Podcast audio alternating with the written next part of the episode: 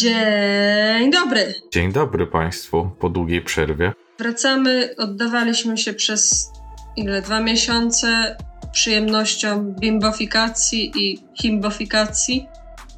Eee, nasze głowy były puste przez, te, przez ten czas. Brak myśli. Może kiedyś zrobimy odcinek o, e, o tym, dlaczego nas nie było.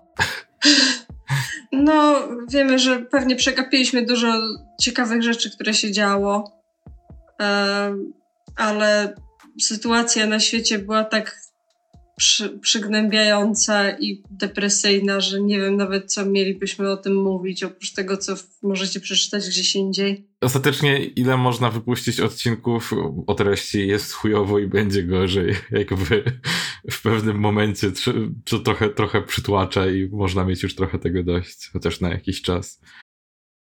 Tak. Po prostu na temat y, choćby kryzysu uchodźczego, kryzysu migracyjnego na granicy nie sądzę, żeby, byś, żebyśmy byli w stanie powiedzieć coś więcej, dlatego mieliśmy trochę taki paraliż, że nie, wie, nie wiedzieliśmy w co ręce włożyć, więc nie wkładaliśmy w nic e, rąk. No, więc e, zapraszamy na dzisiejszy odcinek. To, to będzie pewnie najkrótszy odcinek z naszej serii chińskiej, bo za, za, to też będzie bardzo optymistyczny i będziemy mówić same pozytywne rzeczy o, o Xi Jinpingu e, i opowiemy o tym, dlaczego e, nie ma ludobójstwa Ujgurów i Kubuś Puchatek, nasz król. Ale nam social credit wzrośnie po tym odcinku, jest super. Ja już czekam, czekam na, na zaproszenie, wizę turystyczną i w ogóle będzie fajnie. Będzie super. Dostaniemy, nawet nie turystyczną, dostaniemy biznesową. To Chiny.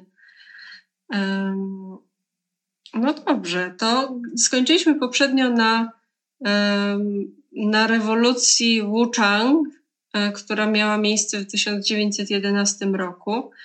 I e, od, w tym momencie możemy troszeczkę się, się cofnąć, że wtedy cesarzem był ostatni cesarz z dynastii Qing, czyli e, Pui, e, który po, po, po odsunięciu tej dynastii nadal mieszkał w pałacu cesarskim, tylko że to był taki nie, niewładający już pałac cesarski. Więc ja, ja, ja, cały czas myślałam, że ten cesarz istniał przez cały ten czas i był cesarz już do, do, do, do roku tam 40 czy, czy do, do II wojny światowej, ale nie, nie jest tak. To znaczy człowiek sam, człowiek sam żył, nie? Właśnie to jest... Człowiek sam żył, ale nie był cesarzem takim prawdziwym. Um, no więc y, wracając do, do, tego, co się działo, no, rewolucja czy, czy, też um, powstanie Wuchang um, zaczęło się od jednej prowincji, a później rozprzestrzeniło się na całe Chiny um, i różniło się tym od pozostałych powstań w, w tamtym okresie historycznym, że część wojska było po stronie powstańców. Nie całe wojsko, bo nadal największą siłą był generał Yuan Shikai, który, um, który był po stronie dynastii Qing, e, ale wtedy przyszedł do niego z propozycją ojciec narodu przyszły, e, Sonia Tsen, e, zaproponować mu, że jeśli wymusi abdykację Pui, to e, da mu urząd prezydenta. E, Sun Yat-sen już wtedy był e, uznawany za prezydenta e, tej części Republiki Chińskiej, która była pod jego, pod jego władzą, pod jego, jak to się mówi, była przez niego opanowana. A po, po abdykacji Pui prezydentem został Yuan Shikai, który tym się różnił od Sonia Cena, że Sonia Cen jednak miał jakiś tam e, ciągoty powiedzmy bardziej demokratyczne, był, był, był szefem Kuomintangu, który był e, nacjonalistyczny, ale wtedy w tym kontekście bycie formacją nacjonalistyczną to było trochę mniej byciem naziolem, a bardziej byciem za tym, żeby nie być kolonią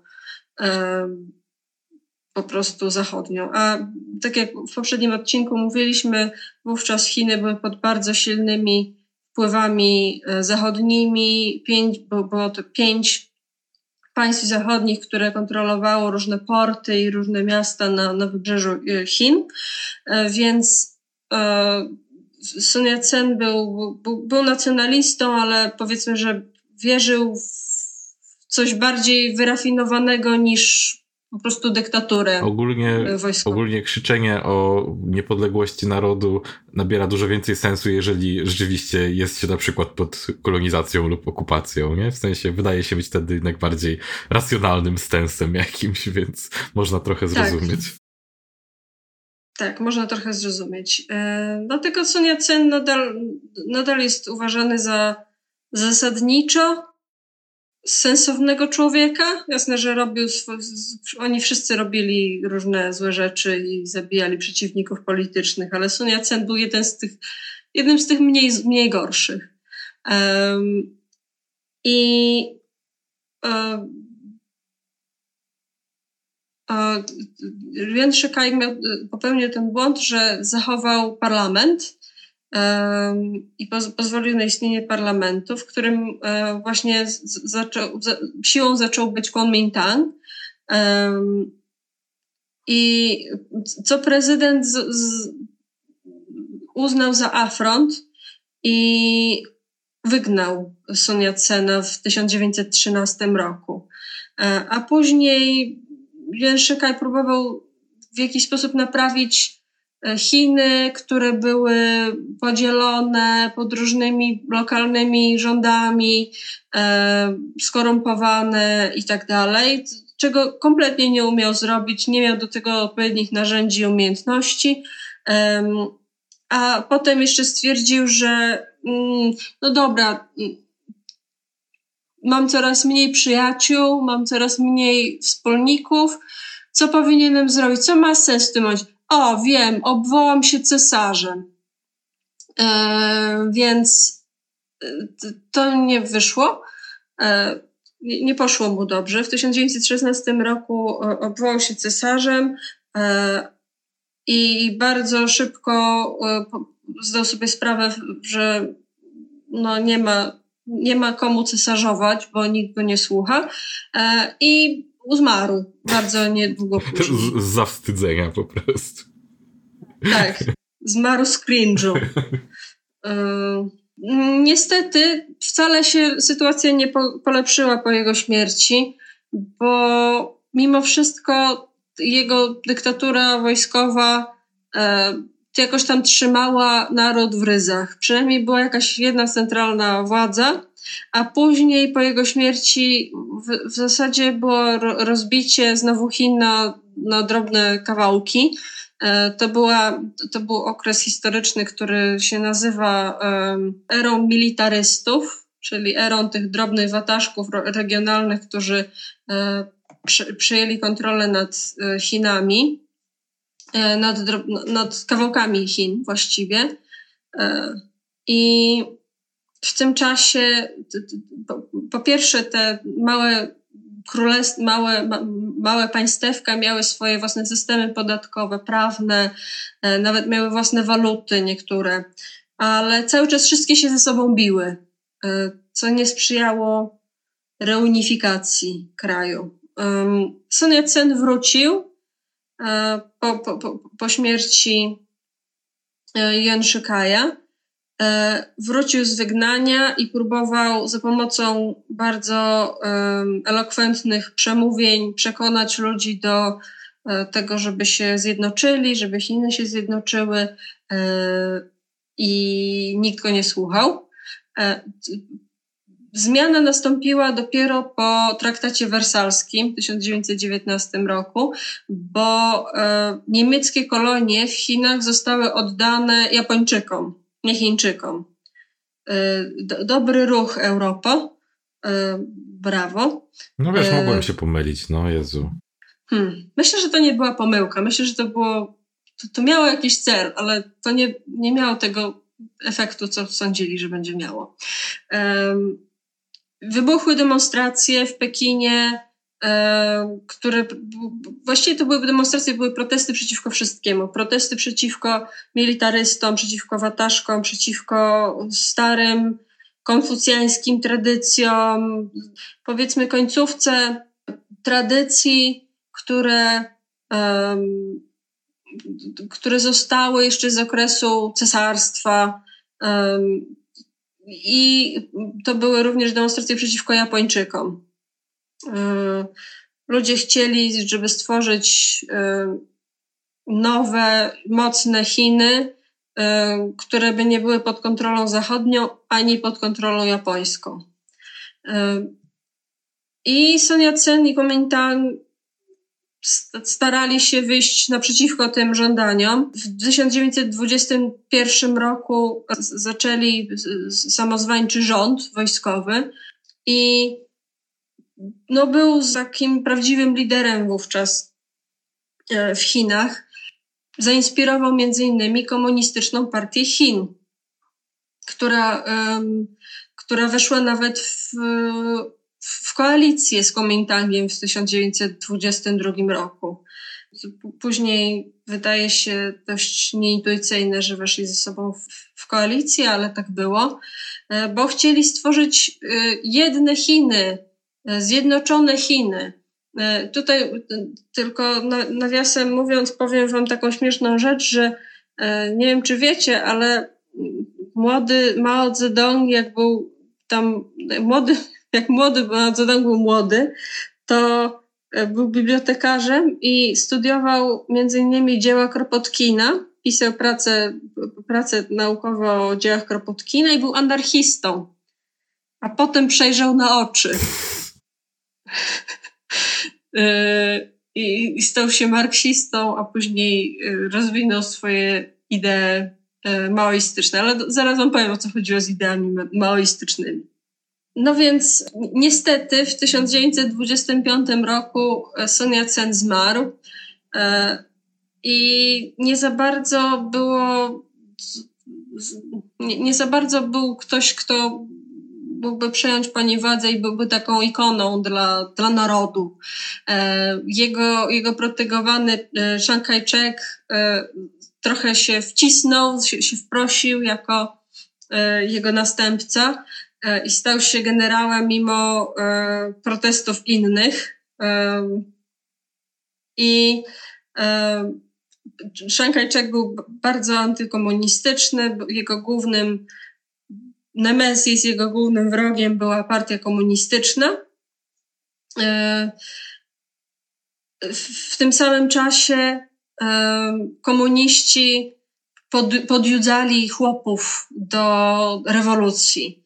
E, I w ogóle e, może tutaj zacznę od tego, że dużo tych, dużo z, z, z tych, że chiński, chiński, chińskie zapędy rewolucyjne bardzo często nawiązywały właśnie do tego, o czym Wam mówiłam w poprzednich odcinkach, czyli do tego, że w Chinach było dużo powstań chłopskich, powstań e, tych najniższych kast, tych najbiedniejszych kast i po, um, i, do tego nawiązywała właśnie partia komunistyczna w swojej ideologii, do tego nawiązuje maoizm bardzo mocno, e, że mm, Mao uważał, że rewolucja powinna pochodzić od chłopów, rewolucja powinna pochodzić e, ze wsi, tam, powi- tam, tam chłopi powinni najmocniej walczyć z, z imperializmem e, i z, z, z posiadaczami rolnymi. E, dlatego zresztą przejdę zaraz do tego, co, co się działo na, na wsiach e, w Chinach. Mm, w Chinach jest takie podejście do tego, co, co jest zachodnie, co jest wschodnie. Um, uważ... Chińczycy niektórzy wówczas nawet nie to, że uważali, że komunizm jest zły, bo jest, bo, bo, bo komunizm to zabiorą, będziemy wszyscy używać jednej szczoteczki do zębów, czy coś takiego, tylko dlatego, że komunizm jest zachodni. E, uważano komunizm za wpływ zachodni, za pewien rodzaj kolonializmu. Dlatego e, narodowcy nie tylko uważali, może i nawet by byli za tym, żeby przeprowadzić jakieś tam reformy społeczne, ale uważali komunizm za coś zachodniego. Przed 1927 rokiem e, Kuomintang przejął kontrolę nad Hangzhou, Szanghajem, e, Nankinem. Mm, Pekin też, e, też się poddał niedługo. Militaryści stracili wówczas władzę, dlatego ta, mm, dlatego w tej wojnie e, już, nie, już nie potrzebował koalicji z komunistami. E, I wtedy Kai-shek stwierdził, że już nie potrzebuje komunistów i było, jakby ich w ogóle nie było. E, w związku z czym rozpoczął coś, co się nazywało biały terror, podczas którego zginęło około miliona ludzi, głównie komunistów, związkowców, liderów chłopskich, przywódców chłopskich, wszystkich, którzy byli w jakiś sposób uznawani za sprzymierzeńców partii komunistycznej. Mm, po kilku miesiącach takiego, takiej, takiego zwalczania chińska partia komunistyczna była, była bardzo zagrożona. I były dwa prądy wówczas w chińskiej, w chińskiej partii komunistycznej. E, był Lili San, który mm, był bardziej, kontro, bardziej, bardziej konserwatywnym komunistą i uważał, że uważał, że chińscy komuniści nie powinni wycofywać się z miast, E, natomiast z drugiej strony był, była fakcja e, Mao Zedonga, która uważała, że powinni właśnie komuniści działać e, w partyzantce wiejskiej, bo wojska Szankajczeka były w, były w miastach. I w ogóle chińska, chiński komunizm miał, tak jak już mówiłam, wypływać ze wsi. Mm. chińska partia komunistyczna e, w, zaczęła powstanie przeciwko Chiang Kai-shekowi e, w górach e, Jiangxi i w 1930 roku Sowieci zainteresowali się rewolucją w Chinach. Zaczęła się wielka depresja na całym świecie E, I wtedy myślano, że to jest początek światowej rewolucji komunistycznej, że, że, że upadnie ten porządek rzeczy, e, który miał, e, który miał miejsce na świecie. I Komintern, czyli Międzynarodówka Komunistyczna, chciała wpływać na Chińczyków, wpływać na to, E, nauczyć ich, jak zbudować e, światowy komunizm, jak brać przykład z rewolucji w Związku Radzieckim. E, I Lili Sang słuchał ich. Potem powiedzieli mu, żeby zaatakował Kuomintang, przegrał, więc Kuomintang się od niego odciął i e, uwaga, postanowili e, zastąpić go e, dwudziestoma bolszewikami w wielkim płaszczu tręczu. Stali wszyscy w takiej wielkiej ludzkiej piramidzie, ubrani w jeden płaszcz i zarządzali rewolucją chińską. Um, tak, i trzeba podkreślić, że to, się, byli... to się zdarzyło dosłownie. To nie jest jakaś figure of speech. To, to, to po prostu oni naprawdę stali w tym wielkim płaszczu wszyscy.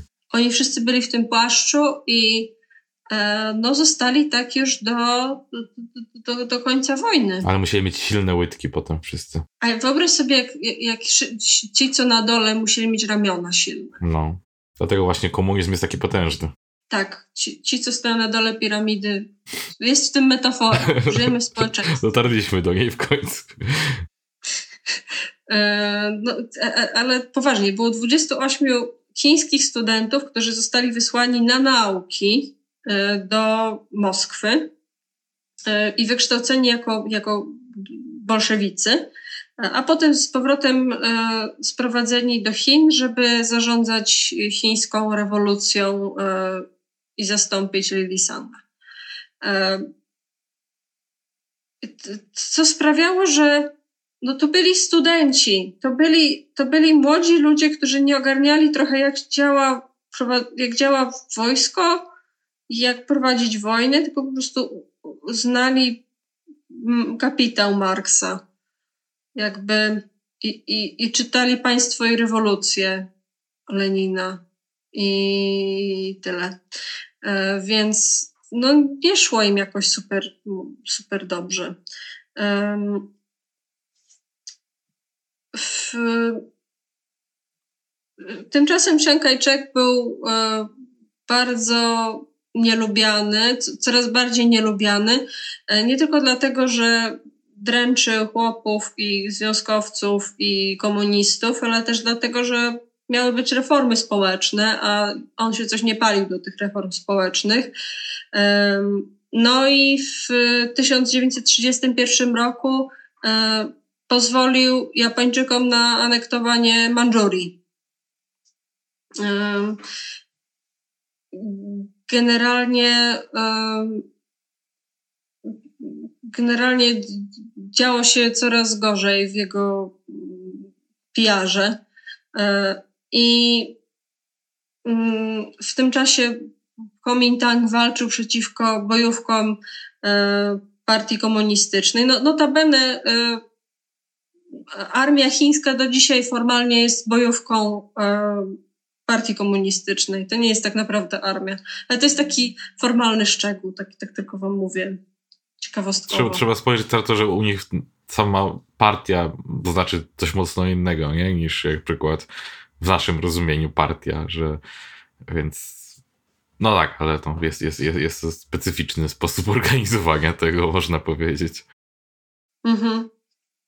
Mm, no i w tym czasie Mao, znaczy nie osobiście Mao, ale ludzie Mao rozwinęli swój własny styl walki partyzanckiej, E, która, który im pomagał, ale no, Chiang miał więcej zasobów, miał większą, więcej sił, większą armię i tak dalej. E, I wyglądało na to, że Chiang wygra. Mm. I wówczas zaczął się, zaczęło się coś, co nazywa się do dzisiaj długim marszem. E, zaplanowano, żeby chińska e, armia komunistyczna wycofała się i mm, wróciła na północ Chin, e, do Shanxi,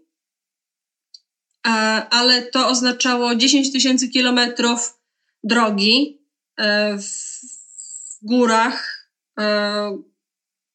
które były bardzo ciężkie do przejścia. I zarządzał tym, tym manewrem, tą ucieczką e, z, z, zarządzało właśnie 28 bolszewików, e, ale skończyło się to zarządzanie, kiedy doszli do e, rzeki Xiang i e, stracili połowę ludzi tylko przekraczając tą rzekę. Wówczas ludzie generalnie przestali się interesować tym, co uważa 28 bolszewików. W tym, tymczasem Mao został wybrany na lidera chińskiej partii komunistycznej w 1935 roku i wygrał dużo bitw, dotarł do Szansi w, w październiku. I kiedy do, dotarł do tego Szansi, została im tylko 10% wcześniejszej, wcześniejszej populacji armii. Pomimo tego, że stracili 90% żołnierzy, Mao stworzył szybki plan rewolucyjny, który się opierał właśnie na wioskach, na wsi, na rekrutowaniu chłopów, zakładaniu baz na wsiach i samoorganizacji właśnie osób ze wsi. Mm ponieważ używali, używali taktyk powstańczych, mogli obronić swoje bazy i Mao, Mao chciał, żeby po, po, po prostu spodziewał się, że wygrają z, z Kuomintangiem poprzez wydłużanie, tak, taką wojnę na wyczerpanie, e, która się skończy którą oni mają szansę wygrać dzięki właśnie walce partyzanckiej.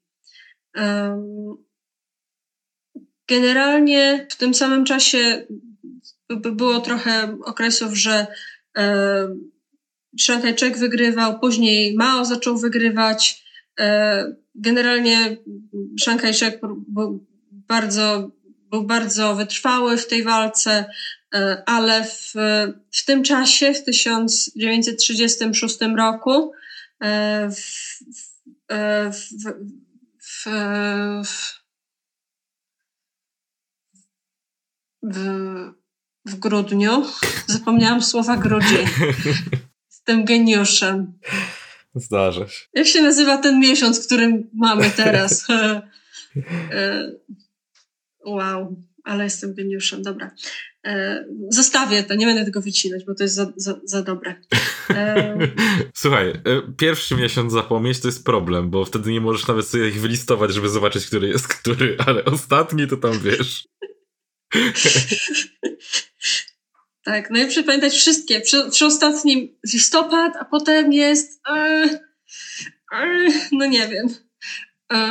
w każdym razie w, w, w grudniu 1936 roku Chiang Kai-shek został porwany przez swoich generałów po to, żeby e, się poddał i żeby, bo Mao był zainteresowany ideą, żeby się znowu skumać i zakończyć wojnę. I przede wszystkim chodziło wówczas o to, żeby powstrzymać Japończyków przed przed okupacją reszty Chin. Ale Szangajczek e, nie chciał się bratać z, z, z, chińskimi komunistami. E, generałowie chcieli, żebyś to zrobił, e, więc go porwali. A w końcu się zgodził, a potem kazał ich rozstrzelać. Ale no, zgodził się. Powiedzmy, że się zgodził. Dość niechętnie, ale się zgodził. E, I w 1937 roku e, Japonia ogłosiła wojnę. E, Japonia wypowiedziała wojnę Chinom i jednym i drugim.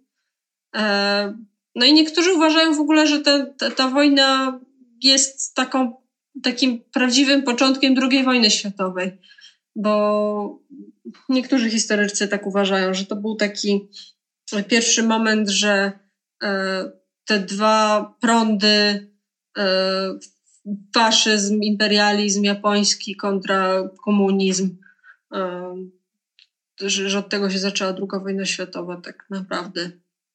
Mm, e, I zaczęli bardzo mocny atak na, na, na, na Chiny.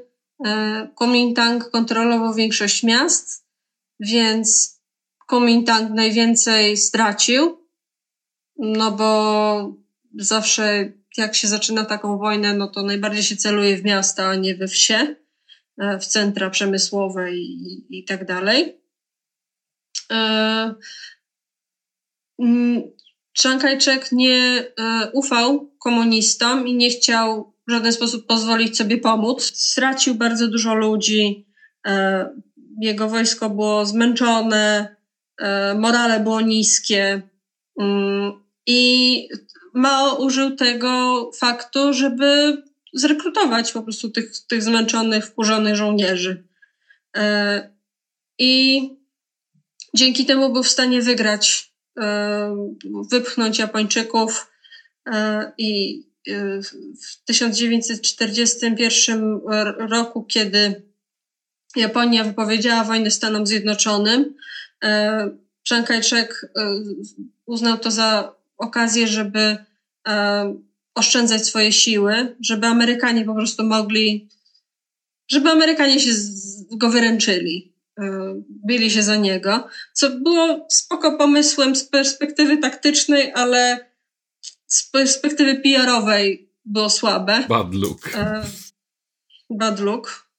E, I potem Japonia wycofała się z Chin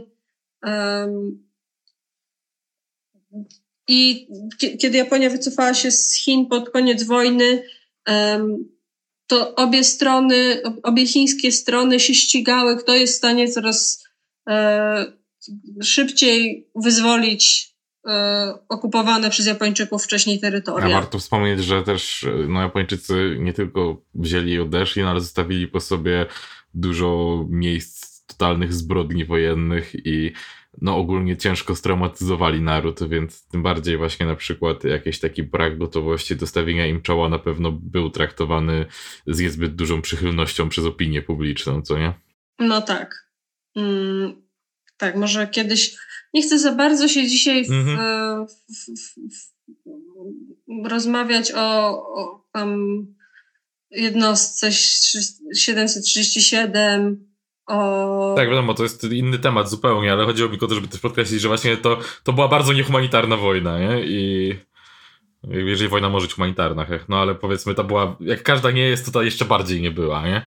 No, no tak. No i dzięki temu y, po, podczas tej fazy wojny komunistyczna partia y, Chin y, była w stanie się o wiele bardziej rozwinąć skrzydła i przejąć więcej kontroli. W 1945 roku, w sierpniu, po, po, po kapitulacji Japonii, amerykański ambasador Patrick Herley próbował pogodzić obie strony, e, próbował doprowadzić do, do, do zawieszenia broni nawet w pewnym momencie e, się okazało, że e, nawet w pewnym momencie z, z, zaczęła się, była taka, taka idea, taka myśl, żeby stworzyć Radę Tymczasową i jedną armię. Wow, pra, prawie się udało, ale nie, nie udało się. Sowieci oddali kontrolę, kontrolę nad Mandżurią po, po końcu wojny E, więc całe Chiny, całe, cała północ Chin, cała, cały północny wschód Chin tak naprawdę z defaultu na początku był e, komunistyczny. E, I Chińczycy, komuniści dzięki temu mogli się mogli się, dzięki temu mogli stamtąd jakby traktować to miejsce jako bazę i iść stamtąd na południe. W 1948 roku, po, e, generalnie po, po, po tym wielkim marszu e, komunistów na południe, e, było widać, że Szankajczek nie wygra tego. W 1949 roku Tianjin i Pekin upadły, a, w, a, a północ była całkowicie opanowana przez komunistów. I w październiku, dokładnie 1 października 1949 roku e, Mao Zedong ogłosił, proklamował e, Republikę Ludową Chin. E, ogłosił, że powstaliśmy i teraz Chiny będą komunistyczne, a Chiang Kai-shek uciekł na wyspę Tajwan, mm, gdzie od, od, od, razu tak tylko powiem, że w w, w, przez resztę tego odcinka będę mówiła o głównych Chinach, ale musicie wiedzieć, że Chiang Kai-shek e, no nie był demokratyczną osobą e, i wprawdzie nie miał takiej możliwości zrobienia złych rzeczy jak e, Mao Zedong, bo miał po prostu mniej ludzi pod swoimi rządami, ale był no wiele ludzi było wtrąconych do więzień, wiele ludzi zostało zabitych. E, nie było demokracji ani wolności słowa na Tajwanie. E, I głównie też, też trzeba zauważyć, że e, był w stanie zrobić dużo niedobrych rzeczy na Tajwanie, głównie dlatego, że wspierał go Zachód przez cały ten czas. To jest w sumie ciekawe, nie? Bo mam wrażenie, że często taka narracja taka bardzo ogólna jest taka, że no tam poszedł ten prawowity, demokratyczna, prawowita demokratyczna władza musiała uciec przed rewolucją i że taki jest origin story e, trochę dwóch Chin, a jak widać to tak trochę, trochę nie do końca. Tak. Um, no i za, skończyła się wojna. Um, i z końcem wojny jest taki problem, jak jesteś osobą, która jest u władzy, że mm, najłatwiej się rządzi ludźmi, jak się ma jednego wspólnego wroga. Jak nie masz tego wspólnego wroga, bo wygrałeś, to zaczynają się robić podziały, zaczynają ludzie mieć różne opinie. Nie jest to jakieś super ergonomiczne, jak jesteś dyktatorem. Więc e, najpierw e, pierwsza taka wielka kampania, którą wymyślił e, Mao Zedong, to był wielki skok naprzód, czyli próba, tak wzorowana na, na Związku Radzieckim, próba stworzenia, próba, industrializacji Chin i próba wyciągnięcia Chin z tego ekstremalnego, z tej ekstremalnej biedy, która była również pozostałością wojny, ale generalnie, tak jak Wam opowiadałam w zeszłym odcinku, Chiny się w zasadzie od XVII wieku nie zmieniły. Właściwie można było wsiąść do wehikułu czasu i przenieść się o 300 lat w Chinach i nie zauważyć różnicy. E, bo szczególnie na wsiach, bo, bo tam biedy było najwięcej. No i e, Mao wymyślił e, taki system, że po pierwsze skolektywizował gospodarstwa rolne, była, wymusił stosowanie norm, przy czym przekraczanie norm nie było w żaden sposób nagradzane. Ludzie nie mieli żadnego, tak naprawdę żadnej motywacji, żeby pracować mocniej, silniej na, te, na, na tych gospodarstwach, które wcześniej należały do nich, a potem zostały skolektywizowane. Owszem, zabito landlordów, znaczy posiadaczy rolnych, tych takich wielkopolowych, ale no, też odebrano gospodarstwa tym ludziom małopolowym, którzy nie, nie robili nikomu krzywdy i tylko się utrzymywali z tego, z, z tego co sami wyhodowali. Więc można było myśleć, że baza, a tutaj jednak cringe. No trochę cringe. I najgorsze było to, że ponieważ Mao nie był demokratycznie, jakby nie, nie miał pociągów demokratycznych, może powiedzmy tak, to ludzie go nie słuchali. Znaczy, ludzie, ludzie, ludzie go słuchali i ludzie bali się mu powiedzieć prawdę. Też w Związku Radzieckim był, był taki facet, który się nazywał Trofim Łysenko, który mm, był takim szarlatanem ekonomicznym, szarlatanem e, agronomicznym, który wymyślał swoje teorie na temat tego, jak, jak siać, żeby było bardziej, żeby to rosło bardziej, żeby był, był większy wzrost ekonomiczny. No i oczywiście te jego, te jego teorie nie działały, ale ponieważ wszyscy się bali e, Stalinowi powiedzieć, że coś nie działa, albo co gorsza, że oni zatrudnili kolesia, którego e, teorie nie działają, to mówili, tak, tak, działa, pewnie, mamy wzrost, jasne. I, I w ten sposób się to doprowadziło do głodów w Związku Radzieckim i do do stagnacji, powiedzmy, rolnej w Związku Radzieckim. I dokładnie to samo się wydarzyło w, e, w Chinach komunistycznych, gdzie co? Ja, ja nie zatrudniłem tego człowieka, którego teorie totalnie nie działają. Co? Wcale nie jest tak, że zatrudniłem kogoś, kto popędzał ludzi e, z jakiejś tam wioski, żeby oddawali całe swoje e, ziarno e, na eksport, kiedy sami głodowali. Co? Wcale tego nie zrobiłem. Więc ludzie byli zmuszeni do tego, że najpierw były te, te komunalne kuchnie, które gotowały dla, dla tych umęczonych ludzi. Potem było coraz mniej do jedzenia. E, oczywiście nie można było kraść tego, co na eksport. E, ziarno eksportowano z Chin, żeby, broń Boże, się nie okazało, że nie mają co eksportować, no bo przecież trzeba zachować twarz. E, no i skończyło się tak, że według niektórych szacunków zmarło, zostało zagłodzonych 15 milionów ludzi, według niektórych 45 milionów ludzi. E, ja bym powiedziała, że to nie jest dobry efekt. No tak słabo, ja bym słabo wyszło, bym powiedział. Negatywnie wyszło, bym powiedziała, że wyszli na minus.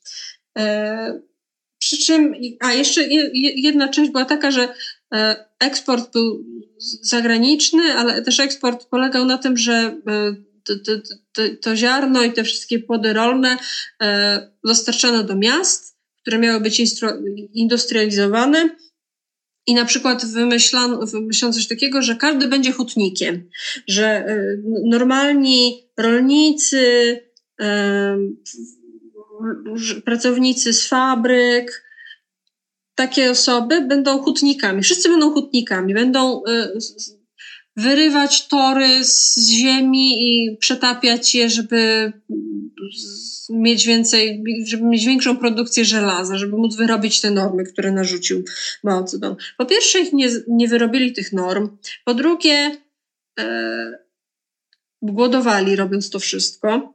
Po trzecie, inni ludzie głodowali, żeby dostarczyć im jedzenie w czasie, kiedy robili to wszystko. Po czwarte, ten, ten metal, który oni wytapiali, można sobie było w dupę wsadzić, bo po prostu był tak niskiej jakości i tak źle zrobiony przez nie, nie, niedoświadczonych ludzi, którzy nie umieli tego robić z bardzo słabej jakości zasobów, e, że właściwie to do niczego się nie nadawało. Mm, więc to, to był wielki skok naprzód. Polecam serdecznie. E, w tym czasie, w 1962 roku, e, skończył się, skończył się e, wielki, wielki skok naprzód, a potem zaczął się, potem miało miejsce ważne wydarzenie, ponieważ zmarł Stalin. Chruszczew zaczął destalinizację, czyli odejście od polityki Stalina i E, odejście od tego, od kultu jednostki Stalina. E, Mao sądził, że z nim się stanie tak samo, jak sam umrze, więc w, w tym momencie mniej więcej po pierwsze zaczęła się schizma e, sino-sowiecka.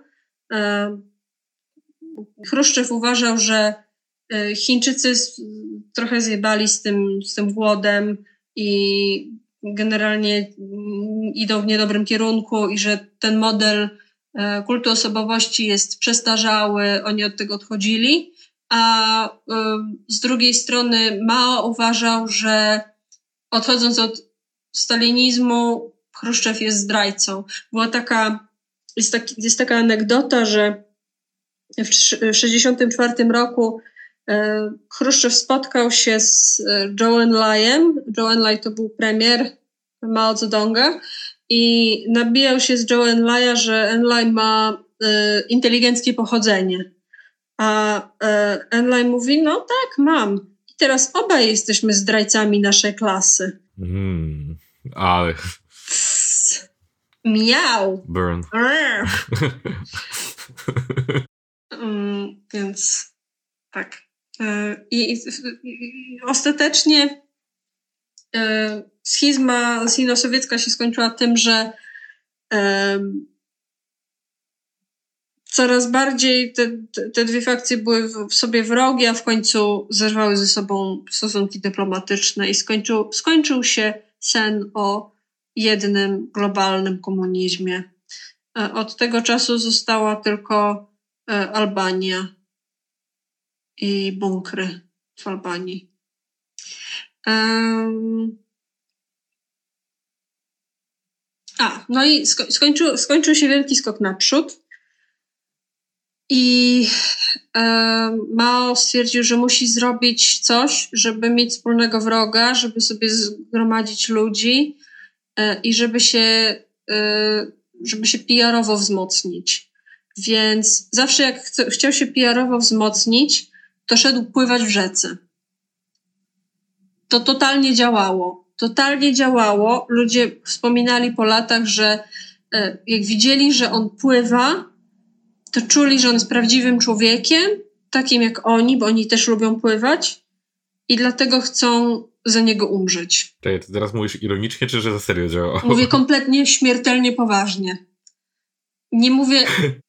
Mówię totalnie poważnie. Ludzie wspominali, że jak widzieli zdjęcia, jak, ma, jak Mao pływa, to, to oczywiście też było, ponieważ Mao faktycznie szybko pływał i dobrze pływał, to e, było śmiesznie e, w momencie, często używał to jako takiego power tripu, że na przykład mm, dzień dobry panie Chruszczew, chodź pójdziemy popływać w rzece i e, pływał w kółka wokół Chruszczowa, a Chruszczow nie umiał pływać, tylko tak trzy, trzymał się drabinki, nie? Jak taki małe dziecko. A, a ten, no nie, ciepła woda dzisiaj, ha, ha. E, I tak, tak to wyglądało. No więc poszedł pływać mm, w rzece i e, po tym pływaniu w rzece ogłosił, że od teraz e, jest, e, od teraz, oczywiście ogłoszono, że e, przepłynął 15 kilometrów w godzinę, czyli miał 72 lata. To tylko 72 lata, 15 km w godzinę, czyli roztrzaskał wszystkie rekordy prędkości świata, jasne. E, I e, w ogóle, a za fakt, że jakby, wiesz, chcesz podbudować swoją opinię jako, jako lider i wypuszczasz materiał propagandowy. O czym? Może o tym, jakim jesteś dobrym przywódcą, o jakichś następstwach twoich policies, nie? Nie, ty po prostu idziesz tak kłamać, że bardzo szybko pływasz. Jakby sama ta idea mi trochę rozwala. Tak, to jest bardzo zabawne. E, I zaraz ci powiem jeszcze jedną zabawną rzecz. E, w tym czasie on, on to zrobił, żeby podpromować swoją ideę wielkiej e, proletariackiej rewolucji kulturalnej, e, którą właśnie planował zacząć. I rewolucja e, kulturalna miała e, wyeliminować cztery stare rzeczy. I zaraz wymienię te cztery stare rzeczy. Twoją starą, twojego starego, starą twojego starego i starą twojej starej. Co? Tak naprawdę to nie. Chodziło o stare idee, starą kulturę, stare zwyczaje i stare nawyki. Czyli po prostu wszystko, co było w jakiś sposób e, tradycyjne, wszystko, co było związane z. wszystko, co było historyczne, wszystko, co było spuścizną, powiedzmy, jakąś tam kulturalną chińską. E, więc na przykład zakazano gry w karty, w szachy, E, kultu przodków, e, ślubów e, religijnych, mm, wszystkie nazwy, wszystkie nazwy wszystkiego musiały być rewolucyjne. Ogólnie antykonserwatyzm brzmi, brzmi spoko, ale czemu się szachów pozbywać? To brzmi smutno mega. Tak, brzmi smutno mega. No i na przykład zniszczono bardzo dużo zabytków. W Chinach na przykład właściwie całe centrum Pekinu, centr, centra miasta takie zabytkowe, wszystkie pałace niszczono, palono. E, buddyjscy mnisi musieli palić swoje e, monastery e, pod groźbą śmierci. E, no, tak sobie generalnie. No i naj, najgorsze było to, nawet nie, że szachy i że coś, tylko że Hun Weibini, czyli Czerwona Armia Rewolucyjna, rekrutowała tak naprawdę dzieci. I rekrutowała dzieci do tego, żeby zabijały swoich, swoich nauczycieli. Ja rozumiem, że można nie lubić swoich nauczycieli, ale to były takie za bycie nauczycielem, za samo bycie nauczycielem można było zginąć, e, a co najmniej być publicznie e, upokarzanym i bitym. E, dużo razy się zdarzało, że na przykład dzieci intelektualistów albo ludzi chociażby, nawet nie dysydentów, tylko ludzi, którzy wyrazili jakąś krytykę, były manipulowane, żeby się wyrzec rodziców i zadenuncjować rodziców, e, tak że byli skazywani na e, karę e, śmierci albo więzienia. No i znowu zginęło około miliona ludzi. Między innymi chciano zniszczyć zakazane miasto w Pekinie, ale Zhou Enlai się temu sprzeciwił. Ocalono pewną liczbę zabytków w Chinach, ale jest tak naprawdę wiel, duża część historii Chin została stracona już nie, nieodwracalnie, bo na przykład e, różne rodziny, e, rodziny szlacheckie miały swoją, e, swoje księgi genealogiczne, te wszystkie księgi palono. E, wszystkie takie dokumenty historyczne po prostu przepadły. Mm. Oczywiście po śmierci Mao, niby po paru latach e, rozwiązano Hunwejbinów, e, ale tak naprawdę e, tak naprawdę rewolucja kulturalna trwała aż do śmierci Mao i, i, i była kontynuowana przez tak zwaną bandę czworga, która upadła dopiero w 1976 roku. Banda czworga to było po prostu czworo, czworo e, działaczy, powiedzmy, komunistycznych, którzy e, kontrolowali, e, kontrolowali wszystko i na przykład to jest mój ulubiony, ulubiony mały fragment jest taki, że zabroniono tradycyjnej opery chińskiej, zabroniono tradycyjnego baletu chińskiego. E, zamiast tego było osiem baletów rewolucyjnych, w tym mój ulubiony tytuł wszechczasów Zdobywanie góry Tygrysiej przy pomocy strategii. E, to jest mój ulubiony tytuł czegokolwiek. Piękne. E, jest to oczywiście o strategii bojówek komunistycznych i o tym, jak wygrywa, wygrywały wojny i jak zdobywały górę Tygrysią. Po 1976 roku zaczęły się reformy e, Denga Xiaopinga, e, które zakładały między innymi e, faktyczną, przynajmniej częściową kontrolę nad produkcją rolną, indywidualną, pewne, pewne indywidualne aspekty w gospodarstwach rolnych. E, wtedy wprowadzono coś, co się nazywało e, system odpowiedzialności kontraktowej, która polegała na tym, że z jednej strony e, z jednej strony trzeba było wyrabiać nadal normy i część, oczywiście część, część tej część, część produkcji rolnej była była przeznaczona na eksport i tak dalej, ale było to bardziej z głową robione. Na przykład rolnicy mogli wybierać, co chcą uprawiać. To było w, trochę kontrolowane. Mówiłam o tym więcej w odcinku e, indyjskim, współczesnym indyjskim, e, ale to było trochę robione mm, na zasadzie, co jest potrzebne w jakim regionie.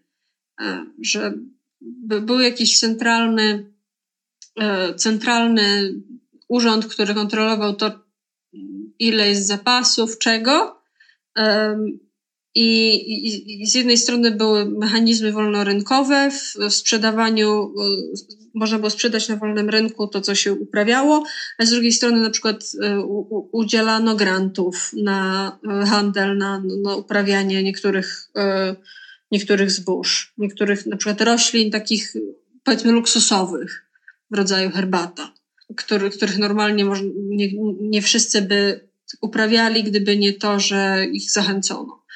E, więc e, od tego się zaczęły e, reformy i według źródeł Deng Xiaoping chciał autentycznie, miał taką szczerą chęć, miał szczerą chęć sprawić, by Chiny były demokratyczne. Chciał zrobić reformę najpierw ekonomiczną, potem zrobić reformę gospodarczą.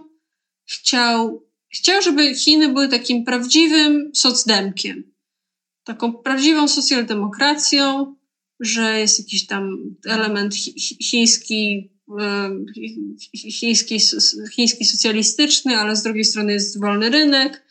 E, no i coś mu nie wyszło. Mm, a kompletnie nie wyszło mu to, że punktem zwrotnym był w, w jego reformach był, był, była sytuacja e, masakra na Tiananmen, która czasem się uważa, czy czasem się mówi o masakrze w Tiananmen, na placu Tiananmen, jako przykład tego, że to był protest ludzi przeciwko komunizmowi.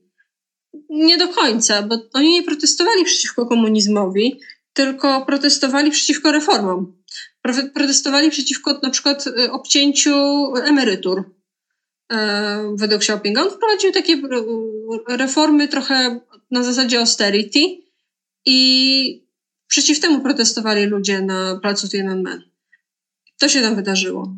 Um, dlatego on uznał, że może jednak nie jest mu po drodze z socjaldemokracją, może po prostu socjalizm może po prostu socjaldemokracja, ale bez demokracji. Może lepiej tak.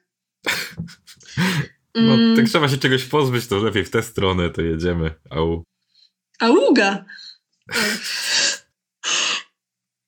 E, tak. E, no i w tym momencie może jeśli chodzi o Chiny współczesne, to um, może przejdziemy do, do naszych opinii na temat Chin współczesnych, bo e, ja mam parę hot take'ów, E, I, oczywiście od razu mówię tym wszystkim ludziom, którzy może się zastanawiają, czy lewy interes jest tęgistyczny, e, że umiarkowanie może?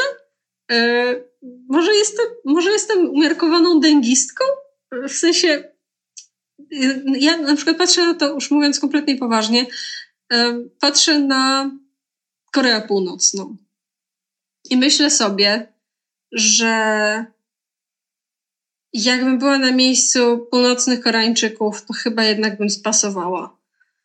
W sensie, jakby, nawet jeśli masz rację i nawet jeśli y, jesteś w biedzie, dlatego że inni ludzie cię e, obarczają, powiedzmy, najpierw robią ci wojnę i bombardują ci wszystkie twoje centra przemysłowe i zabijają ci 20% populacji, a potem e, obarczają cię sankcjami przez większość twojego życia. Nawet jeśli jesteś naprawdę ofiarą tej sytuacji i nawet jeśli naprawdę masz rację w tym konflikcie, to jak dochodzi do sytuacji, w której yy, musisz ko kombinować i budować fosy na granicach, żeby ludzie nie uciekali, to to trochę twoja wina mimo wszystko. Troszeczkę, nie? Trochę, no. E, albo jak musisz budować obozy reedukacji, bo masz tylu, um, tylu, tylu przeciwników i tylu krytyków, że możesz nimi zapełnić cały obóz, a potem ich rodzinami. To... No ale w sumie to, to, to w Chinach tak troszkę, wiesz, nie żeby coś, ale reedukacja obozy, edukacja przez pracę. Mam wrażenie, że Chi Chi Chińczycy robią dużo złych rzeczy oczywiście i faktycznie dokonują ludobójstwa Ujgurów i Tybetańczyków, ale też widzę takie ewidentne fake newsy z tym związane, że ciężko mi jakoś ciężko mi odnieść się do tego w taki poważny sposób i powiedzieć coś konstruktywnego na ten temat. Bo na przykład, e, nie wiem, czy kojarzycie na Woodstocku, to mnie bardzo zdziwiło. E, można, nie wiem, czy w tym roku na Woodstocku akurat to było, ale jak ja tam byłam parę lat temu, to można iść na zajęcia z Falun Dafa. I E, to Falun Dafa stoją takie, takie duże plakaty, że Partia Komunistyczna Chin łapie e, osoby praktykujące Falun Dafa i e, wycina im organy na przeszczepy. I ludzie, wiesz, tak naprawdę, co nie, stoją ludzie na Woodstocku i pytają tych ludzi z Falun Dafa, serio wycinają wam organy? I to jest takie... Falun Dafa to jest sekta w sensie dosłownie mówię teraz, sekta. To, to, to, są ludzie, którzy uważają, że za pomocą tam manipulacji swoim ci e, można oczyścić swoje organy w, w taki sposób, że są, e, że, że są tak czyste, e, że rząd e, chiński e, e, potrzebuje twoich organów na przeszczepy, bo są tak czyste i zdrowe. To, to, to nie jest prawda. Nie, nie, nie dzieje się to. Hmm.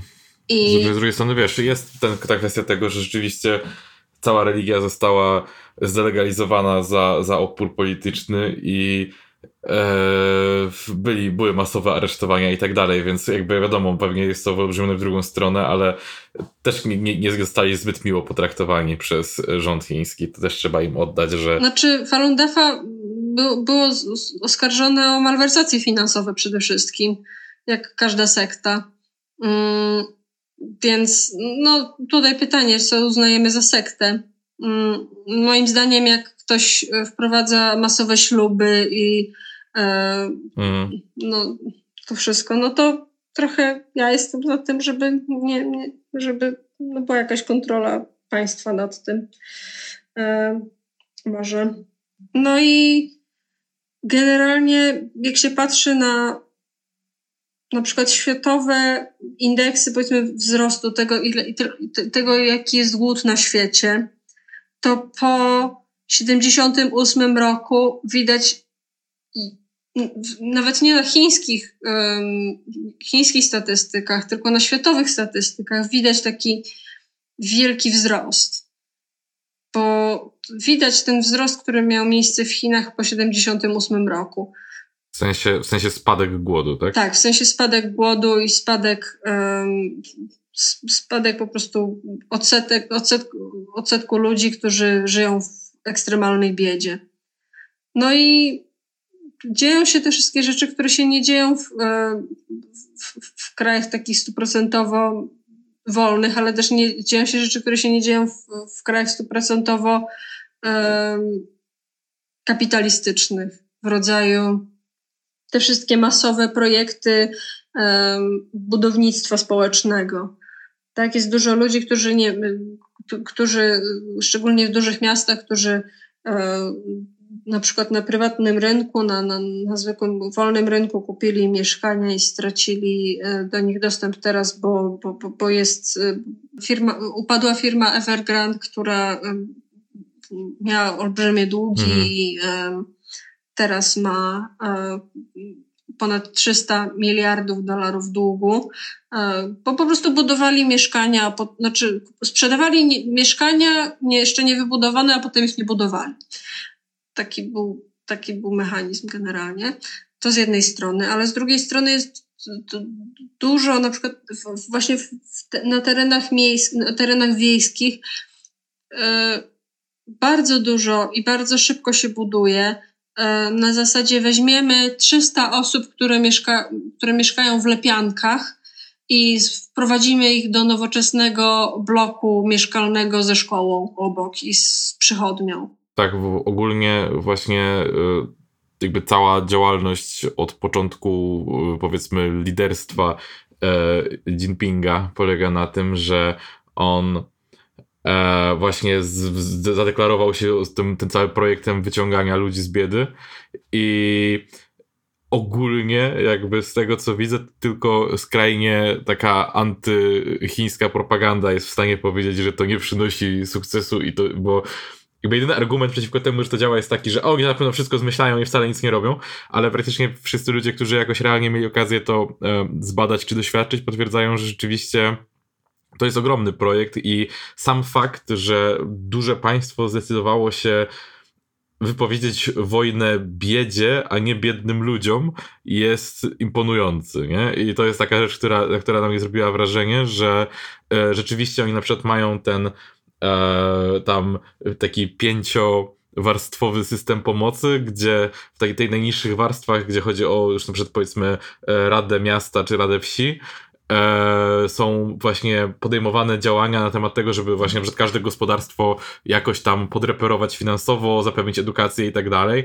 I wielu ludziom rzeczywiście to pomaga, nie? I to jest dla mnie zwłaszcza też zabawne, jak o tym pomyślimy, że no okej, okay, mamy tutaj ten gigantyczny projekt wyciągania ludzi z ubóstwa, wyciągania ludzi z biedy, e, ale y, to, to, to, co jest dla mnie zabawne, to to, że często się mówi, no ale kapitalizm, możesz nie lubić kapitalizmu, ale nie można zaprzeczyć, że wyciągną najwięcej ludzi z ubóstwa, ale jak sobie popatrzysz, to większość tego wyciągania z ubóstwa odbywa się właśnie w Chinach, a, a więc ciekawy, ciekawie. A, a, a druga, druga sprawa z, tym, z tym właśnie wyciąganiem z ubóstwa, też takim argumentem, który często widzę przeciwko Chinom jest to, że e, okej, okay, może, e, może ogólnie się bogacą, ale że mają straszną e, nierówność e, majątkową. I to jest prawda, że mają straszną nierówność majątkową, ale nawet teraz, kiedy ona się w wyniku e, covidowych kryzysów trochę powiększyła, e, są wciąż e, znacząco mniej nierówni niż USA. Są w połowie drogi między Wielką Brytanią a USA, więc e, jakoś, no nie wiem, no to też trochę mi pokazuje, że bardziej surowo ludzie, mam wrażenie, atakują Chiny, jeśli chodzi o pewne kwestie i próbują przyporządkować się do ich systemu ekonomicznego, mimo tego, że e, problem jest bardziej uniwersalny najwyraźniej. To jest, to jest też taka rzecz. No i przede wszystkim miliarderzy w Chinach mają bardzo ograniczoną tak naprawdę władzę. Mm. Żyją na łasce partii. E, przeczytałam taką statystykę, e, że z 72 miliarderów e, w Chinach 15 zostało zamordowanych, 17 popełniło samobójstwo, 7 zginęło w wypadkach, 14 zostało skazanych na karę śmierci i 19 umarło na choroby. O. Nice. Baza. E, no i generalnie Chiny walczą z korupcją, przynajmniej na pokaz. Co, co jakiś czas, co, co parę lat jest wielka akcja e, sadzania do więzienia urzędników skorumpowanych. E, jest, jest przynajmniej z tyłu głowy mają jakieś takie poczucie nie, niewszechmocy ci najbogatsi. Mhm. Mm. Też, też jak właśnie sobie, myślę, też to już wspomniałem tutaj, ale właśnie rzecz, którą moim zdaniem też warto wspomnieć, że ludzie czasami prezentują, że o, to jest taka niby demokracja, a mają tylko jedną partię polityczną i trzeba na nią głosować. I to mnie trochę bawi, że ludzie właśnie też przykładają trochę taką miarkę, bo zakładają, że jakby system chiński był, nie wiem, systemem typowo jakiś europejskim albo amerykańskim, w który po prostu yy, wszyscy o siebie sami oszukują, że akurat chcą głosować na tą partię, a to tak nie jest też, nie? I właśnie ludzie też chyba często a, próbują zaprezentować samo istnienie innego systemu jako jakoś jakiś taki sposób a, właśnie tego systemu jednopartyjnego, jako takiego inherentnie hipokrytycznego i, i zakłamanego i złego, a dla mnie to jest takie trochę przykładanie nieodpowiedniej miary. W sensie mi się ten system nie podoba szczególnie i ogólnie uważam, że jest tam zdecydowanie z dużo autorytaryzmu i bardzo włącza mi się mnóstwo czerwonych lampek, im więcej czytam o Chinach współczesnych. A hehe, czerwonych lampek, czerwonych flag. E, ale ale ogólnie e, czego nie można im odmówić, to skuteczności pod wieloma względami, że też radzenia sobie na rynku międzynarodowym, jak na to spojrzymy. Sam fakt, że są praktycznie odporni na globalne recesje, tak, że u nich to tylko są, u nich jak są spowolnienia, to jest problem we wzroście, a yy, i, i, i ogólnie radzą sobie dużo ładniej niż większość innych dużych e, gospodarek, jeżeli dzieją się kryzysowe rzeczy. Nawet teraz COVID ich dużo mniej uderzył. E, więc no co tu dużo mówić, no jakoś to działa, nie? No na razie przynajmniej działa. E, no i jest ten, ten e, często krytykowany element zadłużania innych państw. E, na przykład w zeszłym tygodniu był wielki news, że Chiny przejmują kontrolę nad największym lotniskiem międzynarodowym w Ugandzie, bo Uganda się tak zadłużyła z Chinami, że nie była w stanie spłacić swoich długów i teraz y, główne lotnisko w NTB jest chińskie. Y, no i jest dużo inwestycji w Chinach, które z jednej strony mówi się, że znaczy Chińczycy się bronią w taki sposób, że y, owszem, zadłużamy się, znaczy inne państwa się u nas zadłużają, ale my pożyczamy na niższy procent niż e, na przykład Międzynarodowy Fundusz Walutowy. I nie dajemy takich warunków jak Międzynarodowy Fundusz Walutowy. Międzynarodowy Fundusz Walutowy w pewnym momencie dawał chyba 20, na 23%. To jest zbójecka, mhm. zbójecka stopa, stopa procentowa, a Chińczycy sprzedają, znaczy te, udzielają tych e, pożyczek i udzielają tych inwestycji e, no takie bardziej normalne, kilka procent. E, więc e, z jednej strony to, no jest to tak z perspektywy powiedzmy bardziej lewackiej, Chińczycy się bronią w taki sposób, że na zachodzie były trzy fazy. Najpierw był feudalizm, potem był, potem był kapitalizm i stamtąd można myśleć o jakimś komunizmie. A w Chinach właściwie nigdy nie było kapitalizmu, tylko był feudalizm, a później od razu według, według tych ludzi, którzy tak twierdzą, od razu przeszli um, do komunizmu. Nigdy nie było tego początkowego elementu rynkowego, który tam jakoś działa. E, więc oni wprowadzają ten element przejściowy, żeby potem po osiągnięciu jakichś tam celów e, ekonomicznych przejść z powrotem do komunizmu. No, no okej, okay, niech próbują. Jest to w jakiś sposób spójne w sumie z tym, co Marx mówił, więc jakby w sensie, że, że właśnie nie, nie, ciężko jest zbudować te struktury bez tej podbudówki kapitalistycznej wcześniejszej, nie? Jakby, że trzeba to zbudować na, jakimś, na jakiejś podstawie, więc jest to w jakiś tam sposób wewnętrznie spójne, nie? Jakby ja nie będę, nie czuję potrzeby tego bronić za nich, bo, bo to ich robota, ale jakby rozumiem ten argument. No więc... Y no jeszcze cały czas widzę jakieś y, newsy o Chinach, które na przykład były te newsy parę lat temu o tym, że planują wprowadzić system punktów społecznych.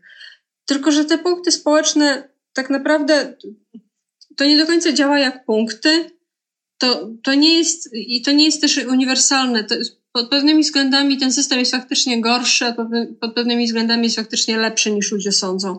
Bo dla tych, którzy się nie angażują i którzy powiedzmy popełniają jakieś tam drobne wykroczenia, to jest normalny system bardzo podobny do tego, co system, system e, wiary, wiarygodności kredytowej.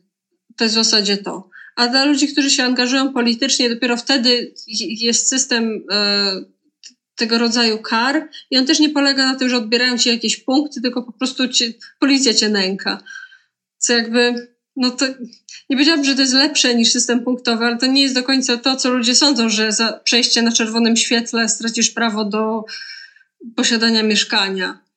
To nie do końca hmm. tak działa. I ludzie to trochę upraszczają. Um, I nie wiem, widzę co jakiś czas jakieś takie newsy w rodzaju Ujgurzy zostali zmuszeni do obchodzenia świąt muzułmańskich przez Chińczyków. No takie, czemu mieliby zostać zmuszeni? To czemu muzułmanie mieliby zostać zmuszeni do obchodzenia muzułmańskich świąt? No na pokaz, na pokaz, żeby było widać, że nie dzieje się ludobójstwo, ale tak... Ale dla, jaki to ma sens? Dlaczego ktoś miałby tak robić? I tak, I tak ci, co uważają, że Chiny to szatan, e, uważają, że Chiny to szatan.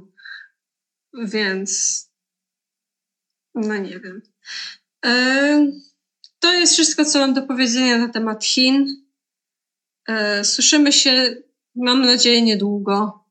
Tak, tym razem już takie bardziej prawdziwe niedługo niż ostatnie nasze niedługo. Tak myślimy. Tak, E, jakoś niebawem. Niebawem, tak, wkrótce bardzo. E, dziękujemy, że jesteście z nami i mamy nadzieję, że ktoś tego słucha, dosłuchał teraz i już nie zapomnieliście o nas i dalej nas e, Kochacie, ko- nie zapominajcie o nas i karmicie nas.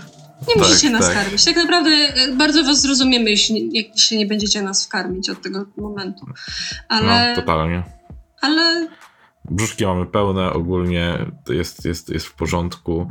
E, nie musicie nas karmić. ale możecie, to jest miłe, ale nie musicie, ale możecie. Wiecie, wiecie, gdzie nas znaleźć. Nasi patroni.